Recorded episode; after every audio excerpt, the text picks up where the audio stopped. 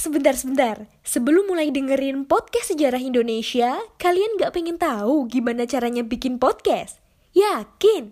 Gak susah kok. Coba deh download Anchor Podcast. 100% mudah, 100% gratis.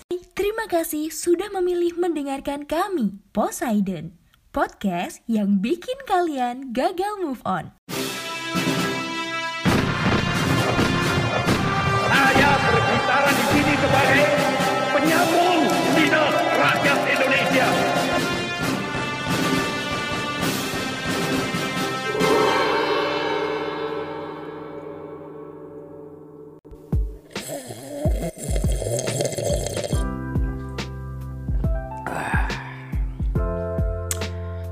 Teman-teman sobat Poseidon, kita jumpa lagi di segmen History for Life. Masih bersama saya Saifuddin Alif.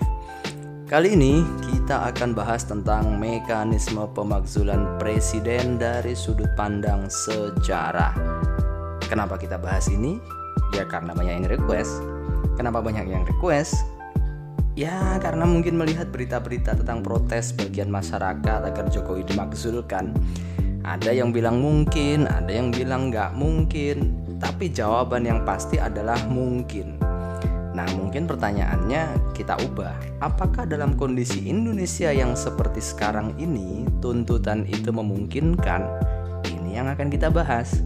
Kita akan bahas mekanisme penurunan atau pemakzulan presiden sesuai dengan konstitusi kita, yaitu Undang-Undang Dasar 1945 sambil berkaca pada penurunan atau pemakzulan lima presiden pertama.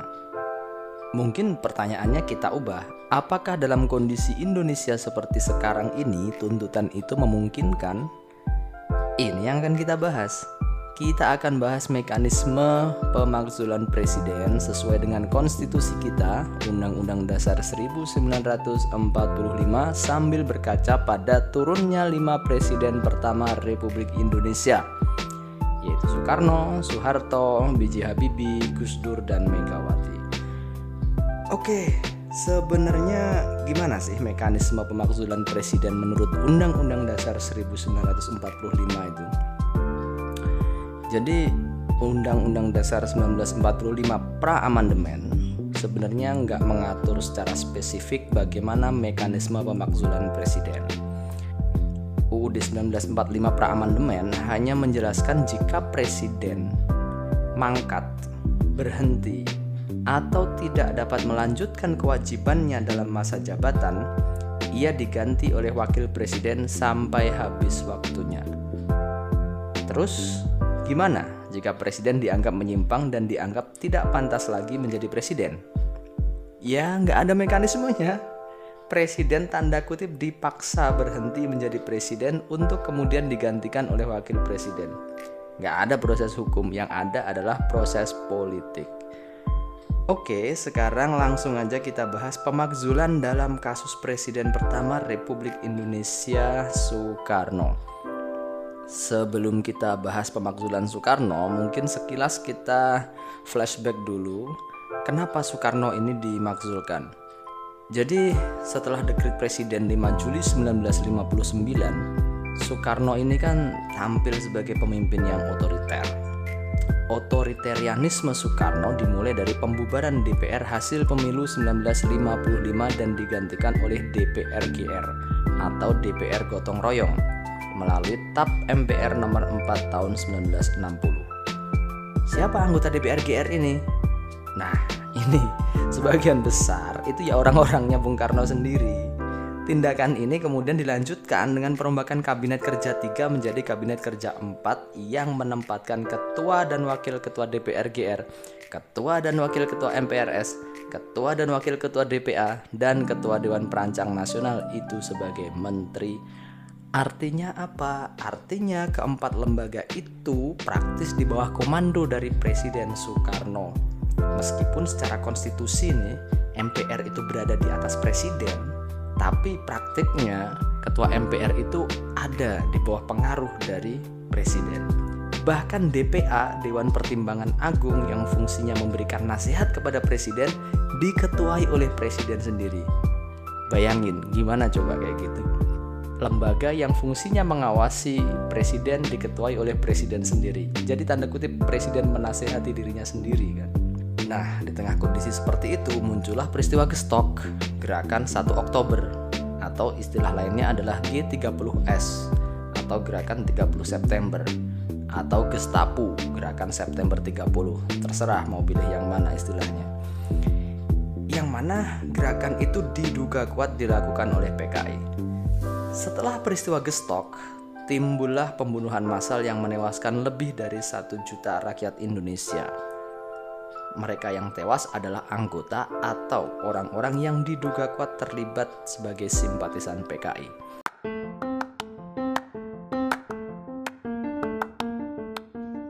Halo Sobat Poseidon, kalian pasti sudah tidak asing lagi dengan Anchor. Yap, aplikasi penyedia jasa untuk para podcaster pemula dan juga pro. Buat kalian yang pengen mulai nge-podcast, langsung download aja Anchor di App Store ataupun di Play Store. Di sana, kalian bisa nge-podcast dengan banyak banget pilihan background musik. Setelah itu, kalian bisa mempromosikan podcast kalian ke mana pun. Secara otomatis, nanti akan di-sharekan oleh Anchor sendiri. So, tunggu apa lagi? Cus, nge-podcast bareng Anchor. Kondisi seperti itu menyebabkan Soekarno datang ke MPR dan membacakan pidato pertanggungjawaban bersamaan dengan pelantikan pimpinan MPRS yang baru. Jadi sebenarnya Soekarno ini nggak diminta buat membacakan pidato pertanggungjawaban. Cuma Soekarno merasa perlu menjelaskan sikapnya selama ini. Maka dia datang ke MPRS untuk membacakan pidato itu. Oleh karena itu, Soekarno menyebut pidato ini sebagai pidato pertanggungjawaban sukarela karena nggak ada yang minta sebenarnya. Apa hasilnya? Hasilnya adalah MPRS menolak pidato pertanggungjawaban ini. Ya nggak langsung menolak sih sebenarnya ya, tapi diminta melengkapi dulu, baru kemudian ditolak. Kenapa ditolak? Karena presiden dianggap tidak bisa melaksanakan kewajibannya, yaitu tidak dapat melaksanakan haluan dan putusan MPRS Pertanyaannya kemudian adalah, loh, bukannya anggota MPRS tadi orang-orangnya Soekarno, termasuk ketua dan wakil ketua MPRS-nya. Nah, ini menariknya. Jadi setelah peristiwa Gestok, orang-orang simpatisan Soekarno ini banyak yang ditangkap oleh Jenderal Soeharto atas nama memulihkan keamanan, berbekal surat perintah 11 Maret atau Super Smart. Salah satu yang ditangkap adalah ketua MPRS yaitu Hairul Saleh yang ditahan tanpa proses pengadilan karena dianggap mendukung kebijakan-kebijakan Soekarno yang pro komunis. Ya penangkapan yang aneh sebetulnya. Kenapa aneh? Karena Hairul Saleh ini adalah orang yang anti komunis. DN Aidit pun sampai menuduh Hairul Saleh ini sebagai antek-antek Nikolim karena saking antinya dia dengan komunisme. Kemudian penggantinya, anggota DPR dan MPRS yang ditangkap tadi siapa? Penggantinya adalah orang-orang yang pro dengan Soeharto, termasuk ketua MPRS yaitu Letnan Jenderal Wilujo Puspoyudo. Nah, sampai di sini kita bisa lihat kan, mau kayak gimana pun pidato Presiden Soekarno ketika itu sudah bisa ditebak hasilnya, pasti ditolak. Ya gimana nggak ditolak coba anggota MPRS-nya, orang-orang yang udah nggak sehaluan sama Soekarno. Jadi nuansa politik dan kekuasaan sangat kental dalam pemakzulan Soekarno pada tahun 1967. Kenapa begitu? Karena nggak ada ukurannya. Ya kapan coba presiden dianggap tidak mampu melaksanakan tugas dan mandat MPRS? Semua kan tergantung penilaian dari MPRS. Oleh karena itulah presiden ketika itu merasa penting untuk menguasai MPRS dan DPR karena dari dua lembaga itulah sumber legitimasi seorang presiden diperoleh. Ketika dua lembaga itu sudah dikuasai oleh pihak oposisi yang ketika itu adalah Jenderal Soeharto, ya udah tinggal menunggu waktu aja untuk Soekarno buat dimakzulkan. Sekarang kita masuk ke proses turunnya Pak Harto. Jadi turunnya Presiden Soeharto dari kursi kepresidenan ini sudah sesuai dengan konstitusi ketika itu yaitu mundur. Jadi bukan mengundurkan diri atau dimakzulkan tetapi mundur secara sepihak. Apa artinya mundur? Mundur itu artinya ya udah Soeharto nggak mau lagi menjadi presiden. Jadi gampangnya gini deh. Saya hari ini nggak mau lagi jadi presiden. Persoalan negara setelah pidato ini bukan urusan saya lagi. Udah urus anak suka-suka. Ya gampangnya seperti itu. Artinya ya ya mundur bukan mengundurkan diri. Nah, kalau kejadiannya kayak gitu, siapa yang menggantikan? Sesuai konstitusi, yang menggantikan adalah wakil presiden yang ketika itu dijabat oleh B.J. Habibie.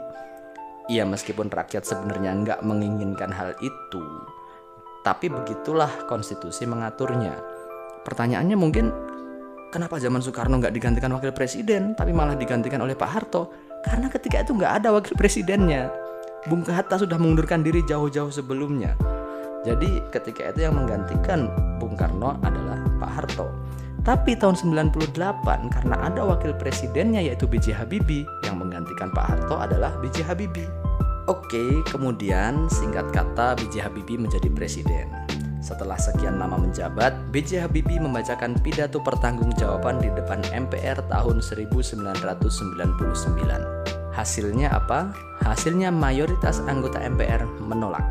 Akibatnya apa? Akibatnya B.J. Habibie nggak bisa melanjutkan masa jabatan kepresidenan.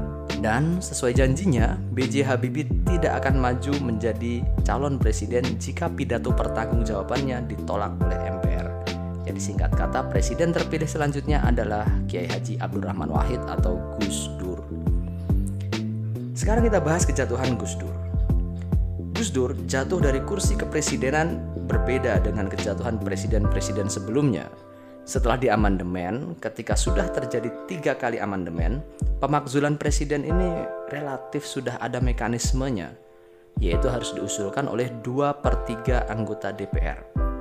Karena situasi politik ketika itu, atau lebih tepatnya Gus Dur tidak mampu menguasai peta perpolitikan ketika itu, usul pemakzulan DPR bisa dilakukan karena mayoritas anggota DPR setuju untuk menurunkan Gus Dur dari kursi kepresidenan. Seharusnya usul ini dibawa ke MK atau Mahkamah Konstitusi untuk diputuskan apakah Gus Dur benar-benar bersalah atau tidak. Karena memang amanat konstitusi pasca amandemen seperti itu. Cuma sampai saat usulan DPR ini keluar, lembaga MK belum terbentuk. Maka ya udah usulan ini langsung masuk ke meja MPR yang kemudian memutuskan bahwa Gus Dur harus berhenti dari jabatan presiden dan digantikan oleh Megawati Soekarno Putri. Nah, baru pada masa Megawati inilah sampai hari ini presiden turun melalui mekanisme pemilu. Jadi tidak ada lagi pemakzulan-pemakzulan yang sebetulnya itu adalah proyek-proyek politik. Oke, sekarang saya bacain deh bagaimana mekanisme penurunan atau pemakzulan presiden yang konstitusional. Ada tiga cara. Satu melalui mekanisme pemilu setiap lima tahun sekali. Artinya, kalau kalah pemilu otomatis tidak menjabat lagi. Dua, melalui mekanisme pemberhentian oleh MPR. Tapi ini prosesnya panjang ya, nggak kayak kasusnya Gus Dur tadi yang relatif singkat. Karena saat ini lembaga negara sudah lengkap. MPR dapat memberhentikan setelah mendapatkan usulan dari DPR. Usulan dari DPR nggak tiba-tiba datang, tetapi harus diawali dengan terbuktinya presiden melakukan pelanggaran hukum berupa pengkhianatan terhadap negara, korupsi, penyuapan, tindak pidana berat lainnya atau perbuatan tercela dan atau pendapat bahwa presiden dan atau wakil presiden tidak lagi memenuhi syarat sebagai presiden dan wakil presiden. Kalau kita pikir-pikir mana ada presiden Indonesia yang selaknat itu? Kecil kemungkinan kan? Tapi ya anggaplah anggota DPR berhasil memenuhi syarat untuk mengusulkan pemakzulan presiden. Keputusan DPR ini nggak bisa langsung dibawa ke MPR, tapi harus dibawa ke MK dulu untuk diputuskan apakah presiden benar-benar layak berhenti atau tidak. Baru kalau keputusan MK memang sejalan dengan DPR, usulan tersebut diteruskan ke MPR. Panjang kan? Kemudian yang ketiga adalah kalau mau pakai cara cepat, ini caranya yaitu demonstrasi besar-besaran untuk memaksa presiden mundur dari kursi kepresidenan seperti kasus 1998 ketika rakyat Indonesia berdemonstrasi besar-besaran untuk memaksa Pak Harto mundur dari kursi kepresidenan. Nah sekarang kalau presidennya nggak mau mundur gimana? Ya udah jangan maksa.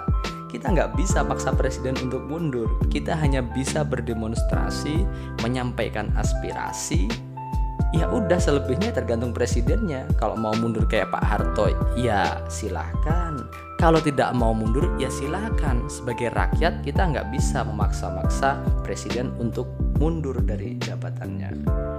Jadi itulah beberapa catatan tentang turunnya seorang presiden Republik Indonesia dari jabatannya Dan saya kira cukup obrolan kita kali ini. Tetap waspada, COVID masih berkeliaran di sekitar kita. Tetap jaga kesehatan, selamat melanjutkan aktivitas, dan sampai jumpa.